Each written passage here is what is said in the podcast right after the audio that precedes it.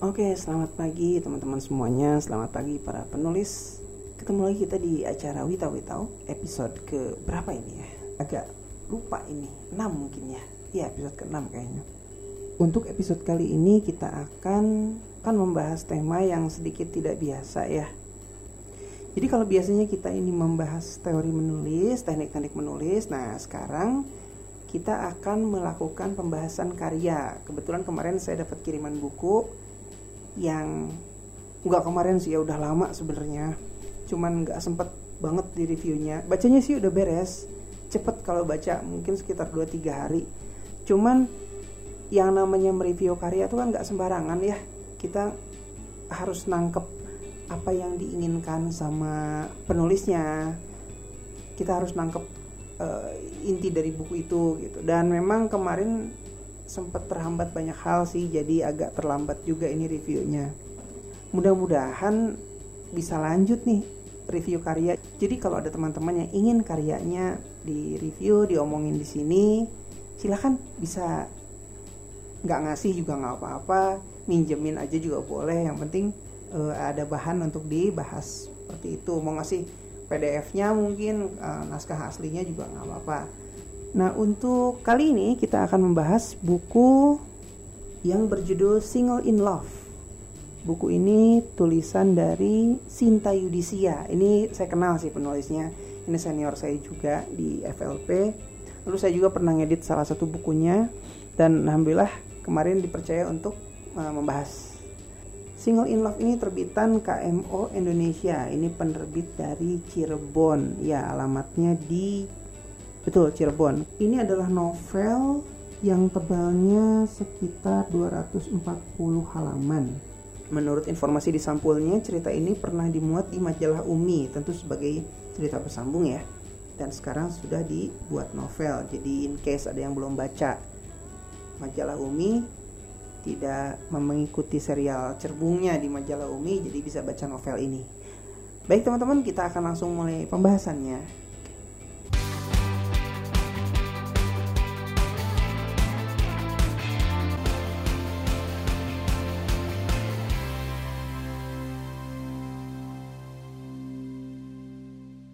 Oke teman-teman, kita akan langsung mulai membahas Single in Love karangan Mbak Sinta Yudisia.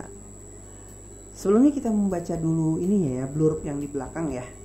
Saya baca full aja. Ini blurubnya lumayan panjang nih, ada 1 2 3 4 4 paragraf. Single in Love.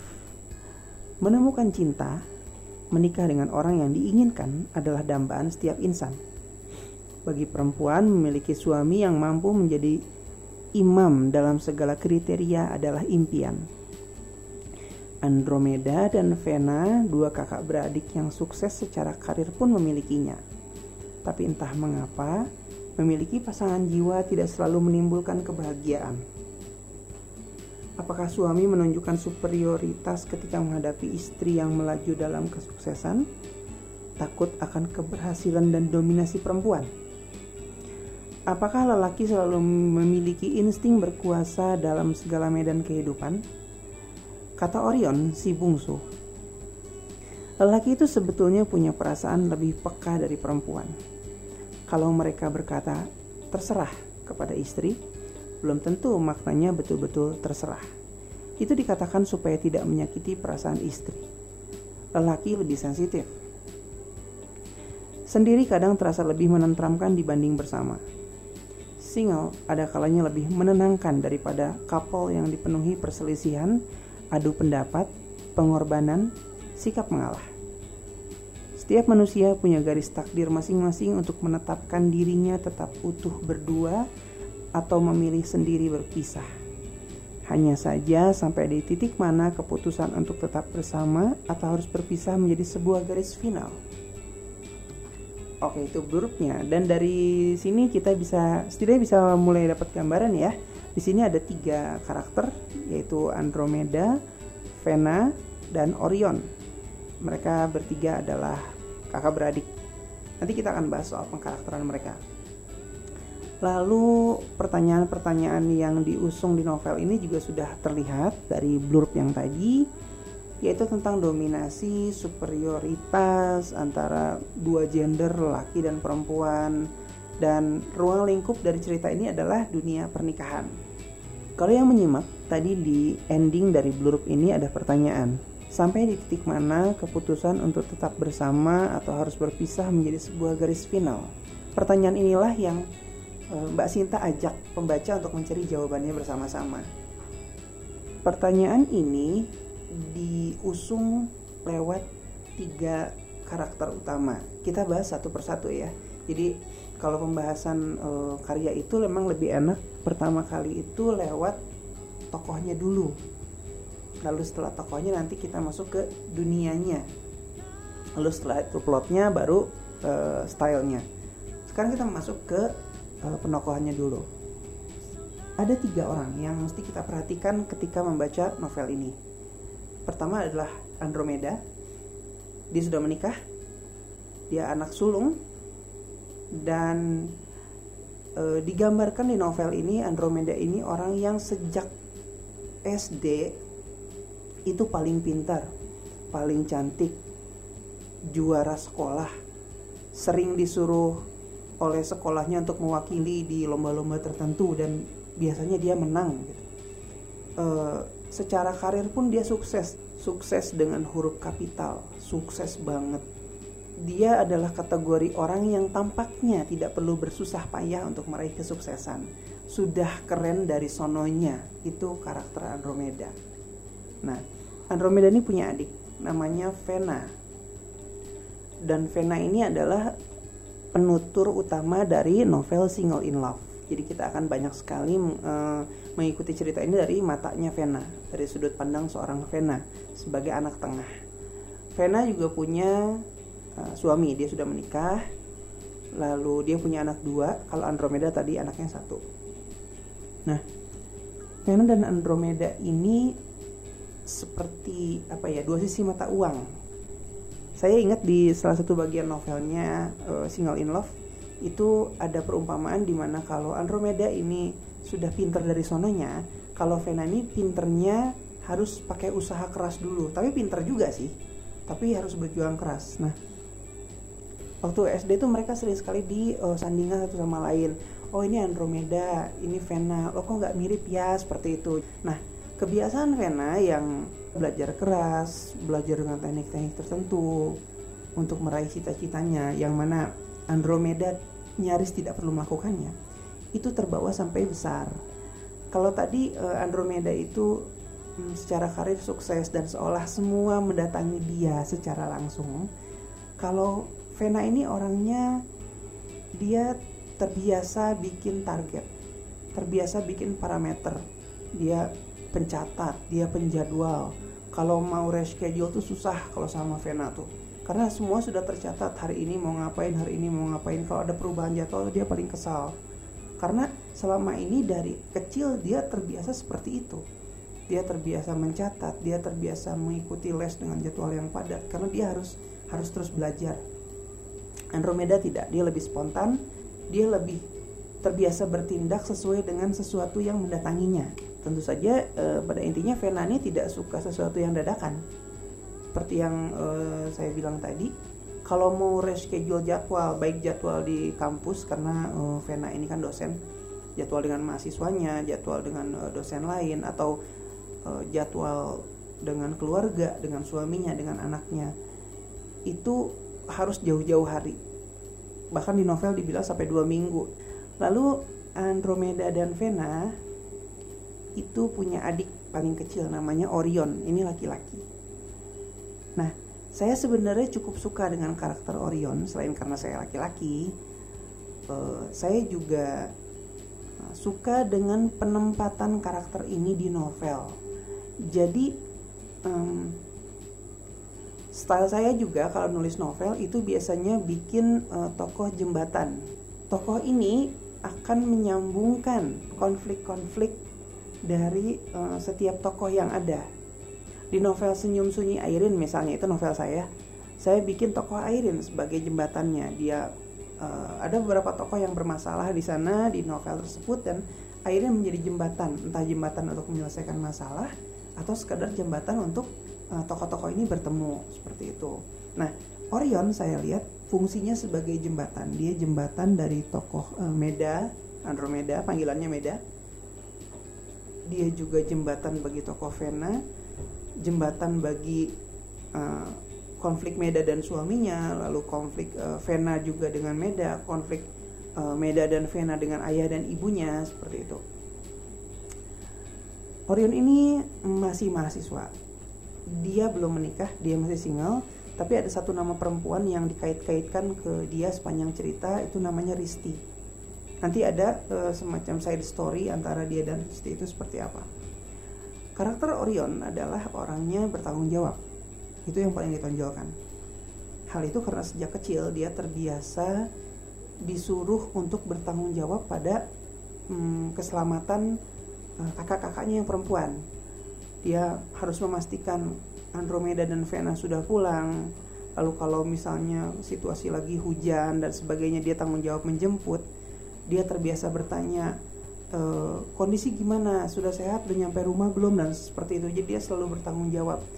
Kebiasaan dari kecil membuat dia uh, terpupuk untuk seperti itu. Sampai terbawa ke um, mahasiswa. Dia terbiasa dalam kelompoknya juga memastikan keselamatan teman-temannya terutama yang perempuan. Sudah sampai rumah atau belum? Sudah makan atau belum? Gitu. Dan salah satunya yang terjerat oleh perhatian itu adalah Risti. Tapi uh, Risti ini hanya hanya side story bukan bagian utama dari pertanyaan yang tadi di akhir blur nah di luar itu kita akan bertemu dengan tokoh-tokoh lain. Cukup banyak ya karakter-karakter penunjang cerita. Antara lain kita bisa uh, bertemu dengan mahasiswanya uh, Vena. Kita bisa bertemu dengan kliennya Vena karena dia kan Vena itu sebagai psikolog profesinya. Tapi kalau saya lihat ada empat tokoh yang sebenarnya cukup berperan dalam mengantarkan cerita. Yaitu tokoh papa dan mamanya tiga orang ini papa dan mamanya Vena Andromeda dan Orion. Lalu tokoh suami-suami mereka jadi tokoh Johan sebagai suaminya Meda dan tokoh Samudra sebagai suaminya Vena Johan dan Samudra memang tidak benar-benar muncul di novel tapi mereka ada mereka dibahas dan baik Vena dan Andromeda memiliki uh, concern tersendiri terhadap suami-suami mereka jadi misalnya Vena dia sempat mengutarakan kekhawatirannya bahwa apakah yang saya lakukan ini akan bikin suami saya marah atau Andromeda. Sejak awal cerita masuk, Andromeda sudah digambarkan memiliki masalah dengan Johan dan salah satu bahan dasar dari konflik yang dibahas di novel ini adalah permasalahan antara Andromeda dan suaminya. Lalu eh, mama dan papa. Mama dan papa ini sudah cerai jadi tiga orang tokoh utama di cerita ini uh, ayah ibunya sudah cerai, tokoh mama dan papa.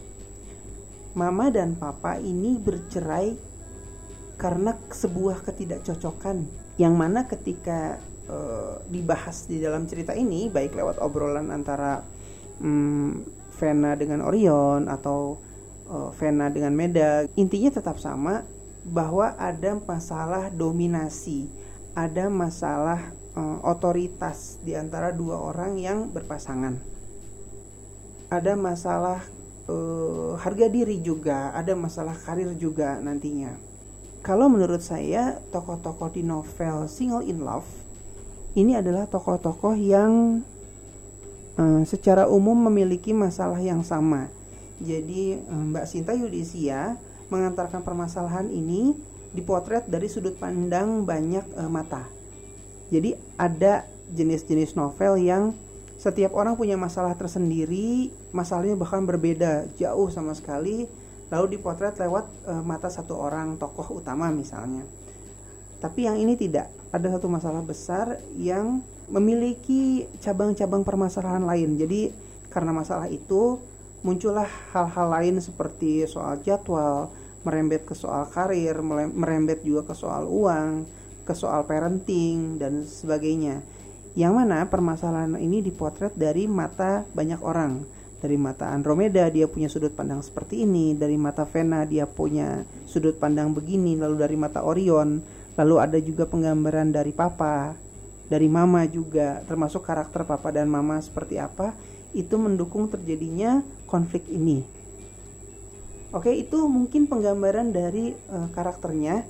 Kita batasi saja tiga dan uh, tadi ada empat ya empat tambahan mama papa samudra dan johan sebagai uh, samudra dan johan itu suaminya Vena dan Andromeda. Fungsi dari tokoh-tokoh ini menurut saya adalah untuk memperkuat tesis utama yang ada dalam novel.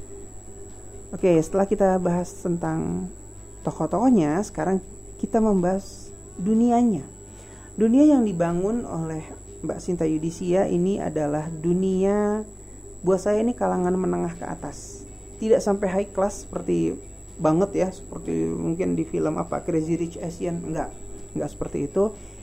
Ini adalah tokoh-tokoh yang mapan punya kendaraan kelas menengah ke atas deh. Terus punya rumah sendiri bahkan untuk tokoh media dia punya apartemen karena sudah sukses banget. Lalu kalau punya suami juga suaminya bekerja di tempat yang enak gitu. Jadi dunia yang dibangun Mbak Sinta ini dunia kelas menengah. Bukan uh, dunia kumuh gelandangan gitu yang kelas uh, kelas ekonominya di bawah. Alasan Mbak Sinta menulis novel ini di, dengan dunia masyarakat kelas menengah saya belum tahu cuman saya sih menduga Mbak Sinta memang mengambil um, dunianya sendiri untuk dipindahkan ke dalam novel ini dunia kelas menengah ke atas. Jadi memang supaya lebih uh, mudah bisa lebih terkoneksi dengan cerita itu uh, akan lebih mudah kalau dunia penulis itulah yang dipindahkan ke dalam novel. Buat saya tidak masalah dan sepanjang cerita ini uh, tampaknya mm, Mbak Sinta menggambarkan dunia tokoh-tokohnya dengan cukup baik. Seperti itu ulasan tentang Eh, penokohan dan tentang uh, dunia di mana mereka hidup dan tinggal. Kita break dulu deh untuk menikmati lagu ya. Lagunya seperti biasa pendek saja. Hari ini karena kita membahas soal novel yang dunianya adalah dunia pernikahan ya. Kayaknya lagunya harus yang sesuai dengan tema ini dan kebetulan minggu lalu nih nemu saya nemu ini lagunya Yofi entah Yofi Nuno atau Yofi aja ini judulnya selingkuh ini lagunya panjangnya cuma satu setengah menit dan kayaknya sedang live di suatu tempat. Saya juga nggak tahu di mana. Cuman kayaknya cocok nih buat diputar karena sesuai dengan tema kita. Karena yang namanya urusan apa dominasi pernikahan konflik pernikahan itu rentan sekali terjadi perselingkuhan. Jadi kayaknya lagunya cocok nih. Mudah-mudahan setelah mendengarkan lagu ini makin bisa terasa ya feel novelnya dan sekaligus kita menyadari bahwa selingkuh itu tidak seindah di novel-novel yang bertebaran di Wattpad. Selamat mendengarkan.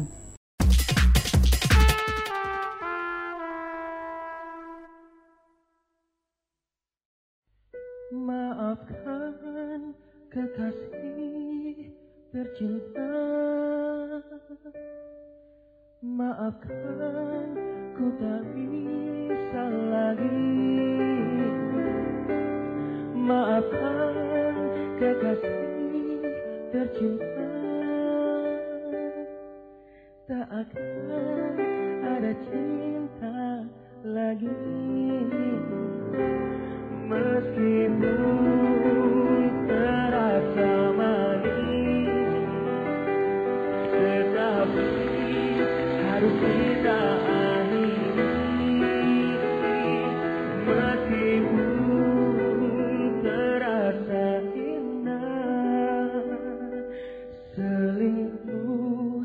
tak membawa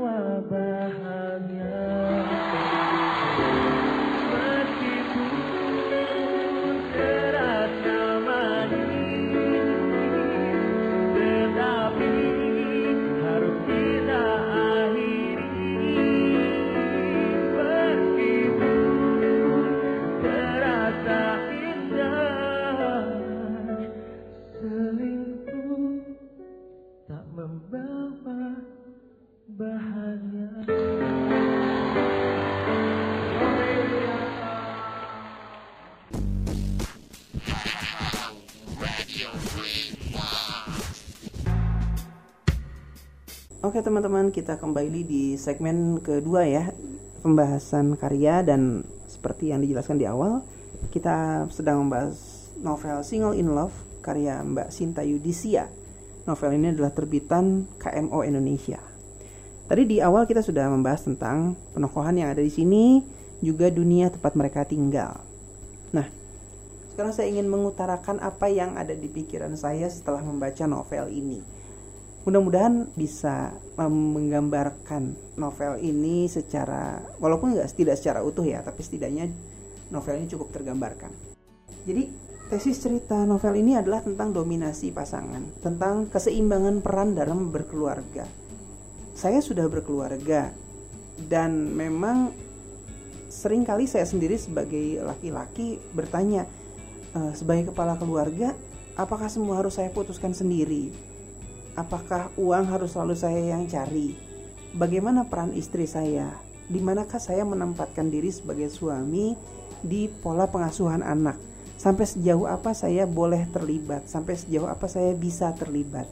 Lalu misalnya di e, menyatakan pendapat, menentukan hal-hal kecil bahkan seperti hari ini makan apa, besok mau piknik ke mana, apakah kita makan di luar atau tidak. Lalu siapa yang harus mengajari ngaji? Siapa yang harus uh, melatih anak melakukan ini ini ini melakukan berenang misalnya atau uh, naik sepeda. Hal seperti itu bukannya hal yang remeh.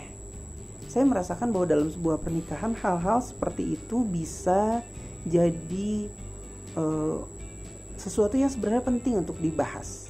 Dan ketika itu tidak dibahas maka akan menjadi masalah atau yang besar-besarnya seperti siapa yang harus mencari nafkah, apakah istri boleh bekerja, kalau gaji suami kurang bagaimana, apakah istri boleh menuntut. Jadi keseimbangan peran dalam berkeluarga itu memang penting. Ketidakseimbangan dalam berbagai aspek bisa membuat banyak uh, hubungan pernikahan retak. Kalau teman-teman mungkin follow akun di Twitter namanya akun Wariman misalnya, follow Instagram itu cermin lelaki itu banyak curhat-curhat yang uh, mengarah ke sana tentang ketidakpuasan.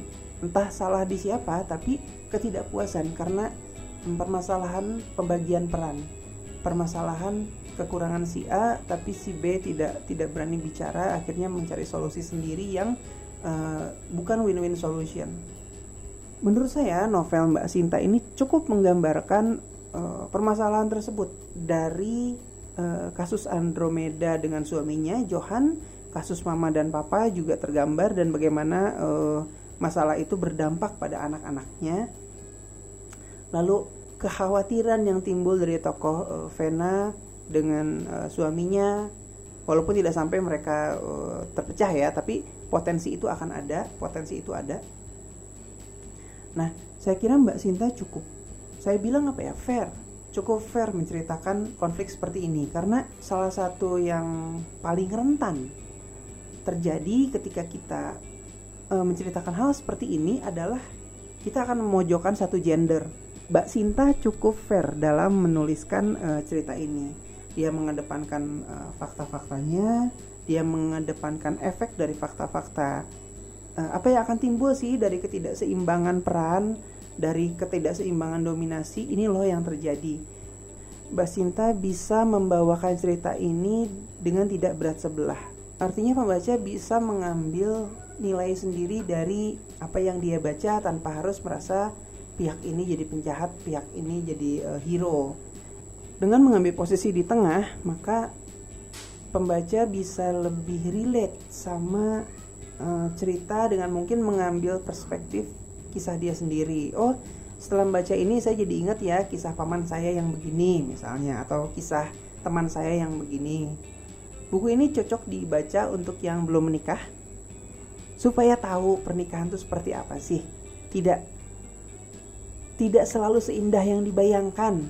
Pernikahan itu tidak uh, seindah motivator pernikahan atau kelas-kelas pernikah uh, pernikahan itu lebih lebih jauh lagi dari sekedar membayangkan yang indah-indah. Nah, salah satu masalah yang terjadi di sebuah pernikahan bisa dibaca di buku ini, di novel ini.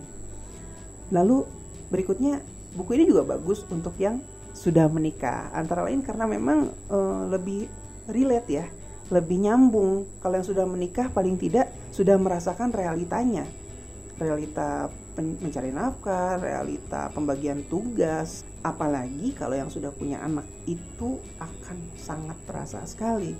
Buat saya cerita yang uh, relate kepada pembaca itu adalah uh, cerita yang kelak bisa dicintai pembaca. Pembaca akan merasa, "Oh, ini ceritanya gue banget." Dan novel ini berpotensi seperti itu. Saran saya ya tentu saja dibaca, dibeli ya atau kalau berani minta gratisannya ke Mbak Sinta. Buat yang ingin membaca novel ini, Single in Love, itu mungkin lebih mudahnya mengontak penerbitnya saja ya, KMO Indonesia. Cari di Facebook KMO spasi Indonesia atau di Instagram at KMO Indonesia. KMO-nya huruf kapital semua. Oke teman-teman, itu pembahasan kita tidak terlalu dalam sih. Tidak apa-apa, terlalu terlalu dalam itu jadinya uh, ranahnya teknis saya hanya menyampaikan apa yang uh, saya baca dan bagaimana tanggapan saya tentang bacaan tersebut. Semoga kita bisa ketemu di pembahasan-pembahasan karya yang berikut-berikut berikutnya. Semoga nanti banyak teman-teman yang uh, tertarik untuk berbagi juga bersama kita di sini. Begitu teman-teman, selamat menulis, tetap berkarya dan tetaplah jujur pada apa yang kita tulis.